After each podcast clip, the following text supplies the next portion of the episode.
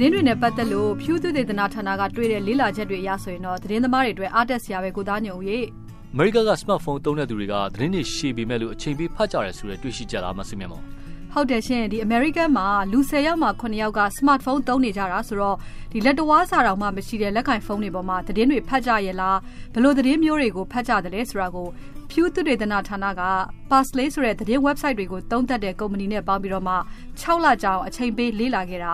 online ပေါ်မှာဖော်ပြနေတဲ့သတင်းပေါင်း9000ခွဲကိုလာပြီးတော့ဖတ်ကြတဲ့သူ83တန်းလောက်ရဲ့အပြုအမူတွေကိုလေ့လာခဲ့တာရှင်။ ထိပ်တန်းသတင်းမီဒီယာပေါင်း190ပါဝင်ဝတ္ထုမဂဇင်းစာအုပ်တွေကိုအွန်လိုင်းပေါ်မှာထုတ်ဝေဖြန့်ချီသူတွေရဲ့အချက်လက်တွေကိုသုံးသပ်ထားတဲ့ကိန်းဂဏန်းတွေကိုပါထည့်ပြီးတော့လေ့လာထားကြတာတဲ့ကိစ္စတော်တော်များများကိုလုပ်ဖို့ smartphone တွေကိုတော်တော်လေးအားကိုးနေကြတဲ့ခင်မှာသတင်းတွေကိုရောဘလောက်အချိန်ပေးဖတ်တယ်လဲဆိုတာကမေးစရာဖြစ်တယ်လေနောက်ပြီးတော့ဒီဘက်ပေါင်းစုံကနေပြီးတော့ဒေါင်းစိအောင်သုံးသက်ရေးတဲ့သတင်းတွေစောင်းမတွေကသတင်းစာထဲမှာဖော်ပြရင်တော့မှတော်တော်လေးရှည်တယ်အဲ့လိုပြောလို့ဒီတိုတဲ့သတင်းတွေမှာသတင်းတန်ဖိုးမရှိဘူးလို့ဆိုလိုတာတော့မဟုတ်ဘူးเนาะ သတင်းတောက်တွေအချိန်ပေးပြီးတော့မှဒီပြည့်ပြည့်စုံစုံရေးထားတဲ့သတင်းအရှိကြီးတွေကိုလက်တော်စာလောက်ပဲရှိတဲ့လက်ကင်ဖုန်းစခရင်တေးသေးလေးတွေပေါ်မှာအချိန်ကုန်ခံပြီးတော့ဖတ်ကြရလားဆိုတာကိုဖြူးသူဒေသနာအဖွဲ့ကသိကျင်တာပါ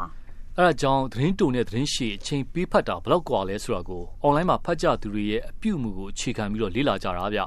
အားလုံးကအမေရိကန်နိုင်ငံထဲမှာရှိနေတဲ့သူတွေရဲ့သတင်းတွေအပေါ်မှာတုံ့ပြန်တဲ့အမှုကျင့်တွေကိုပဲတည်တံ့လေ့လာတာပါ အားရစရာကဒီသတင်းဆောင်းပါးရှည်တွေကို smartphone ပေါ်မှာဖတ်ကြတဲ့သူတွေကသတင်းတိုလေးတွေထက်ကိုအချိန်ပေးတယ်လို့လေ့လာချက်တွေမှာတွေ့တယ်ရှင်။သူတို့တွေးရှိချက်အရဆိုရင်ဒီအင်္ဂလိပ်စလုံးရေ1000ဒါမှမဟုတ်ရင်1000နဲ့အထက်ရှိတဲ့သတင်းတစ်ပုဒ်ကို123စက္ကန့်မိနစ်နဲ့ဆိုရင်တော့2မိနစ်3စက္ကန့်လောက်ကိုအချိန်ပေးပြီးတော့ဖတ်ကြတယ်တဲ့။ ဖတ်တယ်လို့ဘာလို့ပြောနိုင်တယ်လဲဆိုတော့အဲ့ဒီသတင်းစာမျက်နှာနေရာရောက်နေတဲ့သူတွေကဒီအပေါ်အောက်ရွှေ့ကြည့်တယ် click လုပ်တယ်ဆိုတော့အဲ့ဒီသတင်းကိုဖတ်နေတယ်လို့ယူဆရလို့ဖြစ်ပါတယ်။စာဖတ်သူတွေကဒီတိုတဲ့သတင်းမျိုးဆိုရင်တော့တမိနစ်ပြည့်အောင်တော့မှအဲ့ဒီစာမျက်နှာမှာမနေကြဘူးတဲ့အတိအကျပြောရရင်တော့58စက္ကန့်လောက်ပဲအချိန်ပေးကြတာတွေ့ရတယ်တဲ့သတင်းရှည်တပုတ်အတွက်2မိနစ်လောက်ပဲအချိန်ယူရတယ်ဆိုတော့တိတ်မများလှဘူးလို့ပြောလို့ရပြီမဲ့အမေရိကန်နိုင်ငံထဲမှာကဒီထုတ်လွှင့်နေတဲ့တချို့ TV သတင်းတွေဆိုရင် တပုတ်ကိုအဲ့လောက်တော့မှအချိန်မကြာဘူးလို့ဖြူသူသေးတွေကပြောထားတာကို Washington Post သတင်းစာကြီးရဲ့စောင်းမမှာပြန်ပြီးတော့ထောက်ပြထားပါတယ်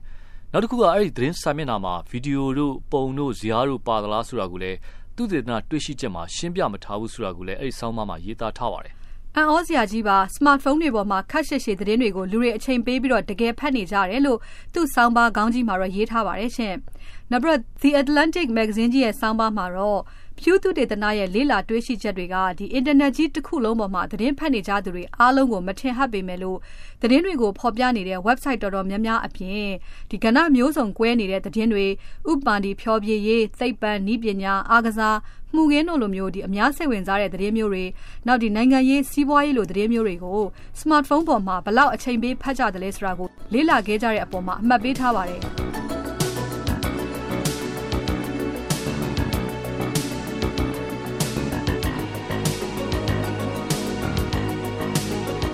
လက်ကင်ဖုန်းတွေပေါ်ကနေပြီးတော့သတင်းဖတ်ကြသူတွေအဖတ်အများဆုံးအချိန်ကမနေ့စောပိုင်းနဲ့ညပိုင်းအချိန်တွေဆိုတာကိုလည်းသူတို့လေ့လာမှုမှာတွေ့ခဲ့ကြတယ်ဗျအဲ့လိုမျိုးအချိန်မျိုးတွေမှာသတင်းတူပဲဖြစ်ဖြစ်သတင်းရှည်ပဲဖြစ်ဖြစ်ကြံတဲ့အချိန်တွေထက်အချိန်ပိုပေးတာကိုတွေ့ရတယ်နောက်ရုံးပိရက်တွေမှာဆိုရင်တော့မနေ့ဖက်မှာသတင်းတွေကိုအချိန်ပိုယူပြီးတော့ဖတ်ကြတယ်တဲ့နောက်ခတ်တူတူရေးထားတဲ့သိပ္ပံသတင်း၊ဤပညာသတင်းနိုင်ငံရေးသတင်းတွေကိုအဖတ်များကြတယ်ကမ္ဘာသတင်းမျိုးကြရင်တော့ခက်ရှိရှိရေးထားတဲ့သတင်းတွေကိုပို့ပြီးတော့အဖတ်များကြတယ်တဲ့ ဘလို့အချိန်မျိုးမှာပဲဖြစ်ဖြစ်အချိန်အများကြီးပေးပြီးတော့ဖတ်ကြတဲ့သတင်းမျိုးကတော့မှုခင်းသတင်းတွေဖြစ်တယ်လို့သူတို့ရဲ့လိလာချက်မှာတွေ့တယ်ဗျစီးပွားရေးနဲ့ဆိုင်တဲ့သတင်းမျိုးတွေကိုတော့အချိန်ယူဖတ်တာအနည်းဆုံးပဲလို့အစီရင်ခံစာမှာပြောပါတယ်လူမှုကွန်ရက်တွေကလည်းဒီသတင်းစာမျက်နှာတွေစီကိုသွားဖို့လို့တော်တော်လေးအထောက်အကူပြုပုံရတယ်။ဘာကြောင့်လဲဆိုတော့ smartphone သုံးကြတဲ့သူတွေလူမှုကွန်ရက်စာမျက်နှာတွေကနေတဆင့်သတင်း website စာမျက်နှာတွေစီကိုရောက်လာကြတဲ့အရေးအတွက်က အများဆုံးပဲတဲ့။ ဒါပေမဲ့လည်းဒီအဲ့ဒီလိုမျိုးလူမှုကွန်ရက်တွေကနေပြီးတော့တဆင်ရောက်လာကြတဲ့သူတွေဟာသတင်းတိုပဲဖြစ်ဖြစ်သတင်းရှည်ပဲဖြစ်ဖြစ်အချိန်ပေးပြီးတော့မှဒီသတင်းတွေဖတ်တဲ့နေရာမှာကြတော့အ ਨੇ ဆုံးပဲတဲ့ကိုသားညုံရဲ့လူမှုကွန်ရက်တွေဆိုတဲ့နေရာမှာလဲ Facebook နဲ့ Twitter လိုလူမှုကွန်ရက်မျိုးကနေပြီးတော့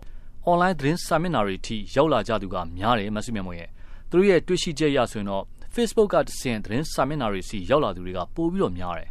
သတင်းချိန်ပြီးဖတ်တဲ့အပိုင်းမှာကြတော့ Twitter ကနေတဆင်ရောက်လာကြသူတွေက Facebook ကတဆင့်ရောက်လာကြသူတွေထက်သတင်းတွေကိုအချိန်ပိုပေးပြီးတော့ဖတ်ကြတယ်ဆိုပဲမဆုမြတ်ဝင်ရဲ့လက်ကင်ဖုန်းတွေပေါ်ကနေပြီးတော့ဒီသတင်းတွေဖတ်ကြတာဖြစ်ပေမဲ့လို့သတင်းကရှည်လိုက်တာဆိုပြီးတော့မဖတ်ဘဲမနေကြဘဲနဲ့သတင်းတွေကိုသိအောင်လုပ်ကြတာတွေ့ရတယ်လို့လေးလာတွေးရှိချက်အစီရင်ခံစာရေးတဲ့သူကပြောပါတယ် အရာရာကိုဒီလက်ကင်ဖုန်းတွေပေါ်မှာပဲရှာဖွေဖတ်ရှုတာများနေတဲ့အချိန်မှာခက်ရှိရှိရေးထားတဲ့သတင်းတွေကိုရောဖုန်းပေါ်မှာဖတ်သူရှိရဲ့လားလို့စိုးရိမ်နေကြတဲ့သူတွေအတွက်ကတော့အခုဖြူးသစ်တနာအဖွဲ့ရဲ့လေ့လာတွေ့ရှိချက်ကသတင်းကောင်းတစ်ခုဖြစ်ပါတယ်ရှင်။